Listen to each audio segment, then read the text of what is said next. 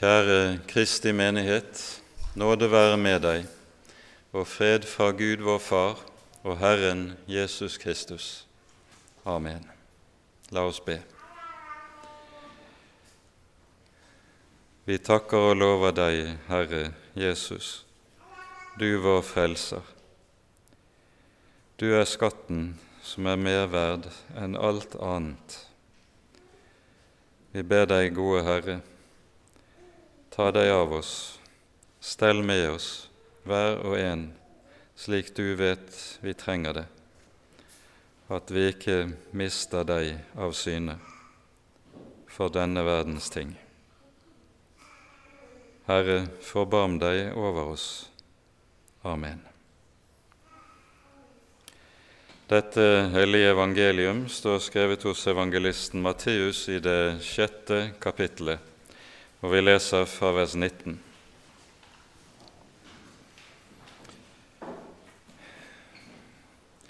Samle dere ikke skatter på jorden, hvor møll og rust tærer, og hvor tyver bryter inn og stjeler. Men samle dere skatter i himmelen, der verken møll eller rust tærer og tyver ikke bryter inn og stjeler. For hvor din skatt er, der vil også ditt hjerte være. Øyet er legemets lys. Er ditt øye friskt, da vil hele ditt legeme være opplyst. Men om ditt øye er sykt, da blir hele legemet mørkt er nå selve lyset i deg mørke. Hvor dypt blir da mørket? Ingen kan tjene to herrer, for han vil enten hate den ene og elske den andre, eller han vil holde seg til den ene og forakte den andre. Dere kan ikke tjene både Gud og mammon. Dette var ordene, Hellige Far. Hellige oss i sannheten.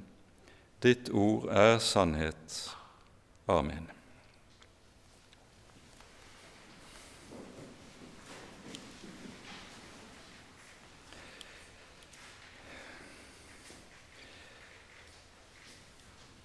Dagens tekst står i en bestemt sammenheng i Matteusevangeliet der Jesus underviser om praktiske sider ved livet, og hvorledes disse praktiske sider har dyp åndelig betydning. Etter at Jesus i det femte kapittelet har undervist sine disipler om den rette forståelse av og utleggelse av Moselov, går han inn på i det sjette kapittelet det som er, eller var jødedommens viktigste framhetsgjerninger, nemlig bønn, faste og almisse. Og innenfor datidens jødedom var det en, den alminnelige oppfatning at man nettopp samlet seg skatter i himmelen ved å utføre disse ganske særlig disse tre gode gjerninger bønn, faste og almisse. Og Det er dette som er sammenhengen som dagens tekst går inn i. Interessant er det kanskje også å være oppmerksom på at i romersk-katolsk tradisjon så anses denne teksten som bevis på læren om fortjeneste av gode gjerninger. Men er det nå egentlig det Jesus taler om i dagens tekst? Det er også et annet forhold som eh, henter sin betydning fra tankegangen i innen datidens jødedom, og som ikke er så lett for oss å eh, få med oss når vi leser teksten. Og Det er de par versene der Jesus taler om øyet. Øyet er legemets lys. Er ditt øye friskt, da vil hele ditt legeme være opplyst, men er ditt øye sykt, da blir hele legemet mørkt. Oversettelsen vår er slik at den er unøyaktig og derfor ikke eh, gir god dekning for hva som var den opprinnelige forståelsen av dette. Innenfor datidens jødedom var det slik at det å ha et ondt øye, det som er oversatt med et sykt øye i vår tekst, det betyr bokstavelig et ugudelig eller et ondskapsfullt øye. Og det å ha et ondt øye, det var betegnelsen på den som var gjerrig og ikke ville dele med den som trengte det. Motsatt, det som er oversatt med 'et friskt øye', det betyr egentlig et enkelt eller udelt øye. Og Med det tenkes det nettopp på det motsatte av den gjerrige og ugudelige som ikke bryr seg om sin neste. Bakenfor ligger Davids ord i bønnen fra Salme 86, der David ber slik.: Lær meg, Herre, din vei. Jeg vil vandre i din sannhet. Gi meg et udelt hjerte til å frykte ditt navn. Og det å ha et udelt øye og et udelt hjerte, det er altså tale om samme sak ut fra det som var vanlig måte å tenke på i samtiden. Dermed skjønner vi at det Jesus her har å si om øyet, det føyer seg meget tett sammen med det han har å si om eiendom og forholdet til denne verdens gods og goder i teksten ellers.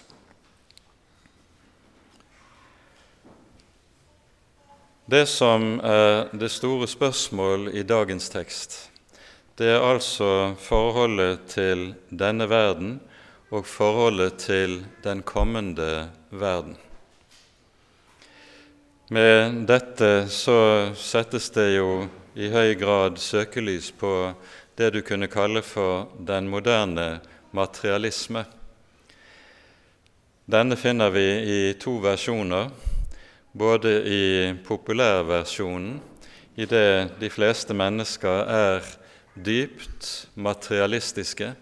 De lever stort sett for å kunne innrette seg og få det best mulig her i verden og arbeid og strev er alt sammen innrettet på å få stadig større og tilegne seg stadig større velstand og gjøre seg livet stadig mer behagelig her i verden.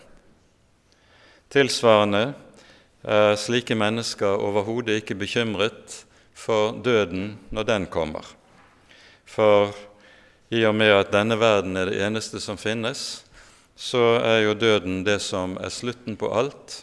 En behøver dermed overhodet ikke frykte verken for noen evighet, for noen hellig Gud eller for noen dom. På denne måten kan svært mange mennesker i slik situasjonen er blitt i dagens verden, gå døden i møte uten den ringeste bekymring.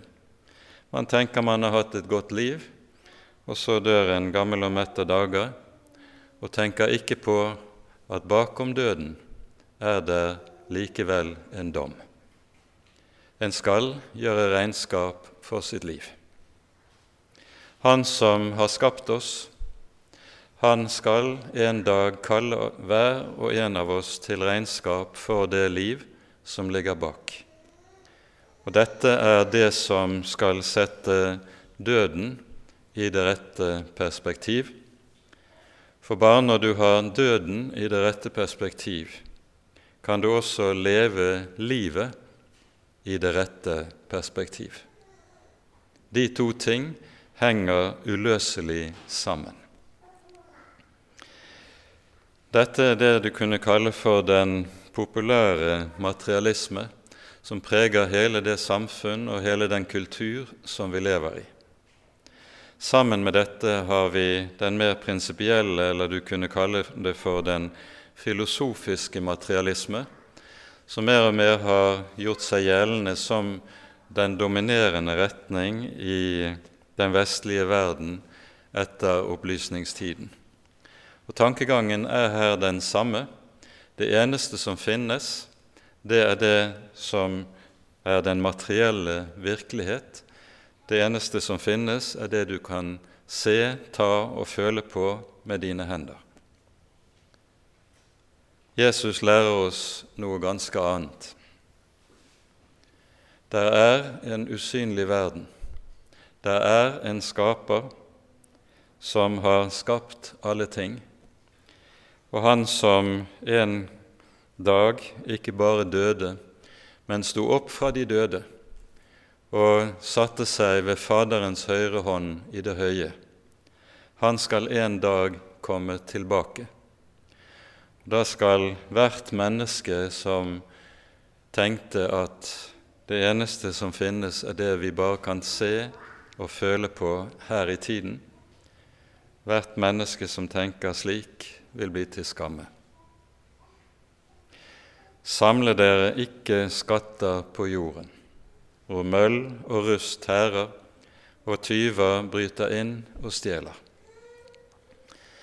Når Jesus taler om dette, så peker han på alt som, at alt som hører denne verden til, er forgjengelig og står på vaklende føtter. Og han lar oss bli minnet om dette på ny og på ny gjennom historien. Vi har eller står for så vidt fortsatt midt oppe i en pandemi som har kanskje minnet både den ene og det andre om at livet slett ikke er så varig som man ubekymret har tenkt. Brått er bena slått ut under store deler av økonomien, og så viste det seg at det slett ikke var så varig og sikkert som vi har tenkt, alt det som var bygget opp. Og Sånn er det med alle ting i denne verden. Det har, det, det har ingen varighet. Det er noe som forgår fordi det står på leirføtter. Det er bare én ting som bærer, og det er det som vi eier i evangeliet, i vår Herre Jesus Kristus. Samle dere skatter i himmelen, sier Jesus. Dagens tekst slutter med det store enten-eller. Ingen kan tjene to herrer, sier Jesus. Dere kan ikke tjene både Gud og mammon.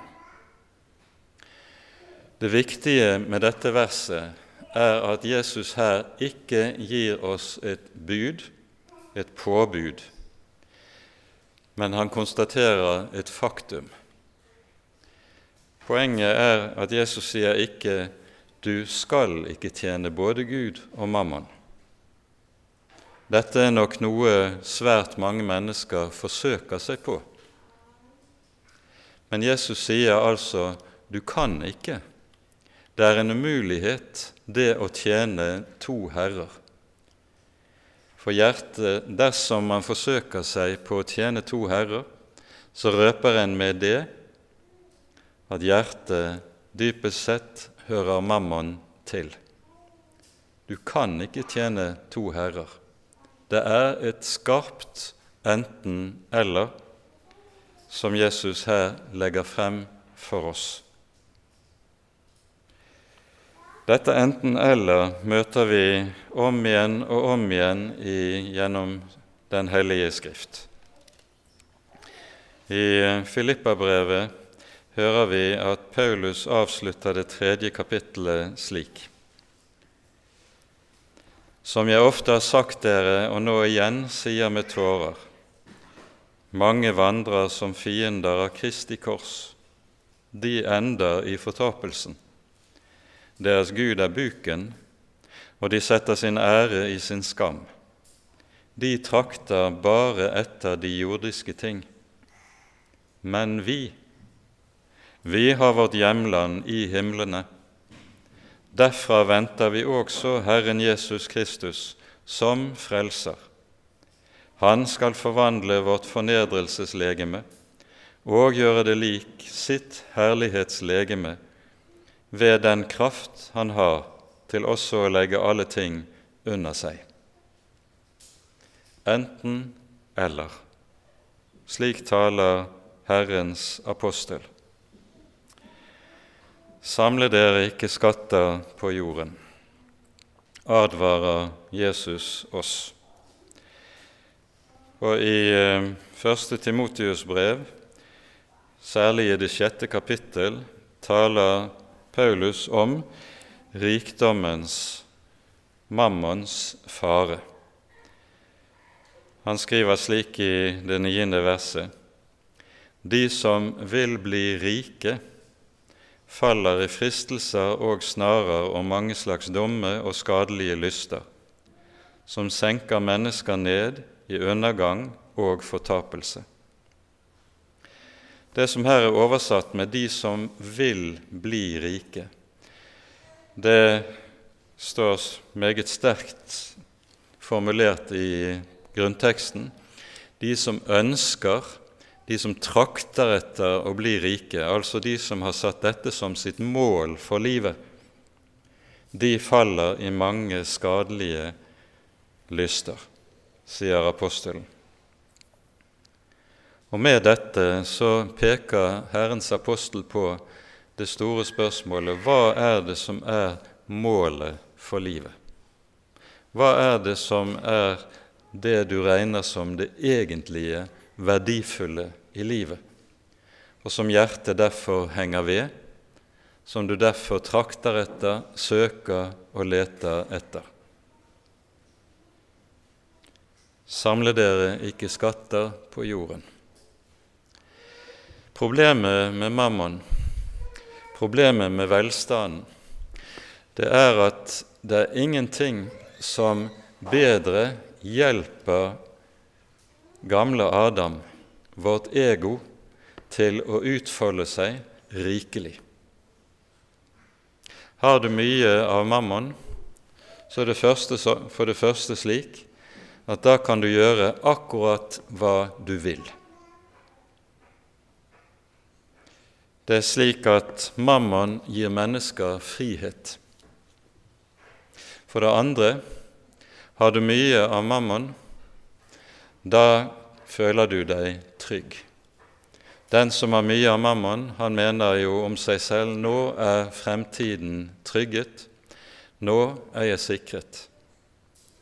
En har med andre ord sin trygghet og sin sikkerhet i det gull som ligger på kistebunnen, ikke i at jeg er i Herrens hender, i stort og i smått.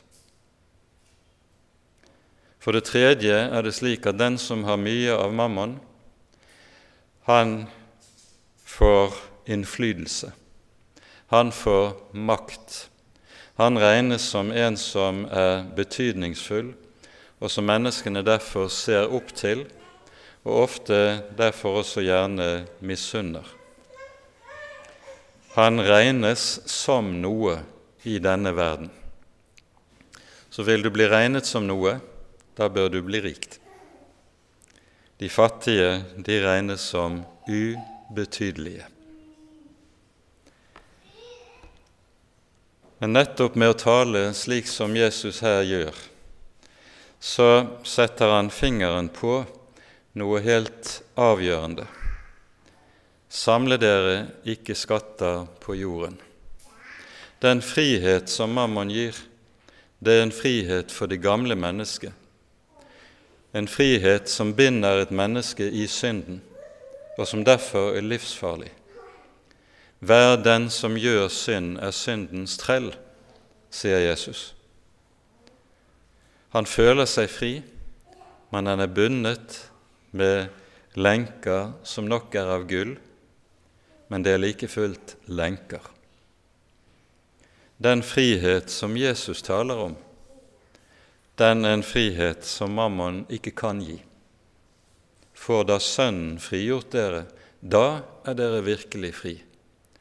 For det er en frihet fra synden, fra døden og fra dommen. For det andre den trygghet som mammon kan gi, det er en trygghet som vakler. Det vet vi. Det som er den egentlige trygghet, slik som Bibelen taler om det, det er at du kan vite at livet mitt, med alt hva jeg er og har, det ligger i Guds hånd, ikke min egen hånd. Det er Han som er min far. Det er Han som har lovet å sørge for meg. Det er Han som har lovet å ta seg av meg i stort og smått, enten det gjelder gode dager eller onde dager, så er Han den samme trofaste Far, i hvis hender jeg skal få lov til å være trygg. Og jeg er like trygg om dagene er onde, som om dagene skulle være gode. Det er en annen trygghet enn den mammon kan gi.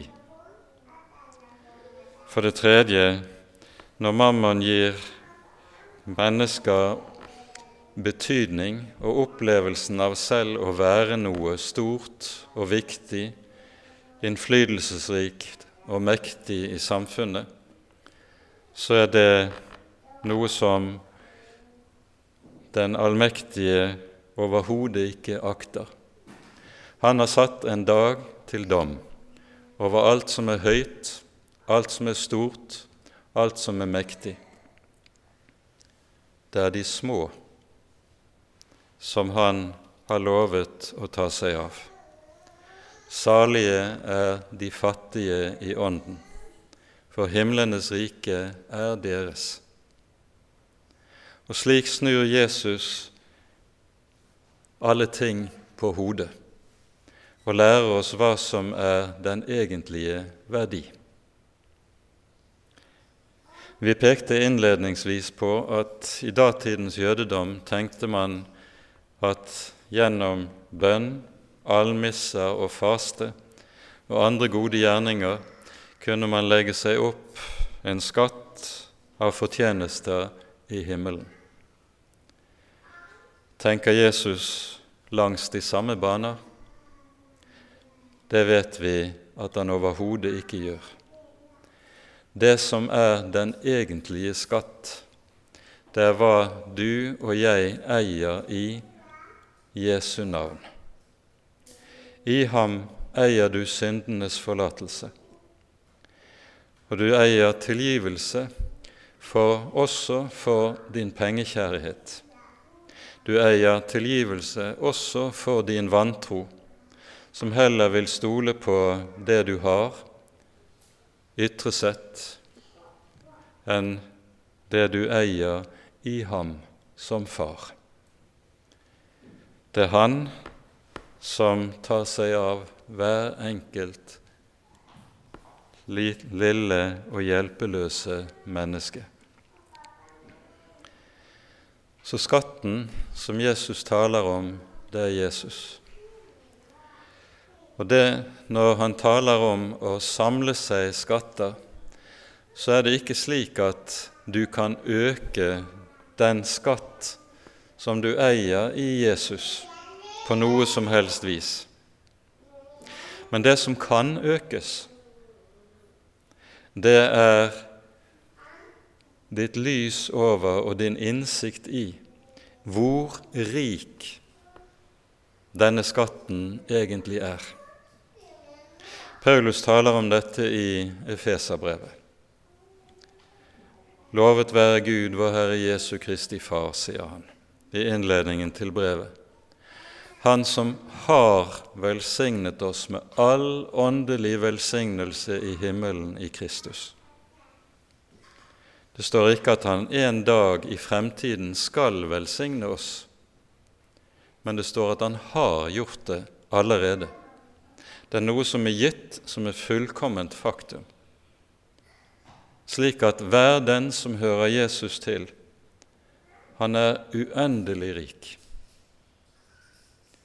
Og så blir spørsmålet hvorfor føler jeg meg da så fattig? Hvorfor føler jeg meg så hjelpeløs? Hvorfor føler jeg meg så liten, som jeg ofte gjør? Det henger sammen med at i deg selv vil dette alltid være situasjonen når du hører Herren til.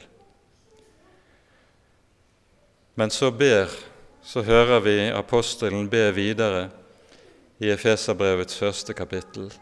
Han ber om at Herren skal åpne deres hjertes øyne, så de kan se hvor rik på herlighet hans arv er iblant de hellige hvor stor kraften er som gjør seg gjeldende i deres liv som hører ham til. En kraft som han viste på Kristus idet han reiste ham opp fra de døde og satte ham ved sin høyre hånd i himlene. Det som er vårt problem, er nettopp våre øyne, som ikke ser, ikke ser den rikdom vi er gitt ikke ser hva Herren, hvor stor den velsignelse er som Herren har velsignet oss med. Og Derfor skal vi på ny minne om Davids bønn. Herre, la meg kjenne dine veier. Jeg vil vandre i din sannhet. Gi meg et udelt hjerte til å frykte ditt navn. Gi meg et udelt øye, så jeg kan se, se hva som er meg gitt. Rikdommen i Kristus, som overgår all annen rikdom overhodet. Ære være Faderen og Sønnen og Den hellige ånd, som var og er og være skal en sann Gud, høylovet i evighet. Amen.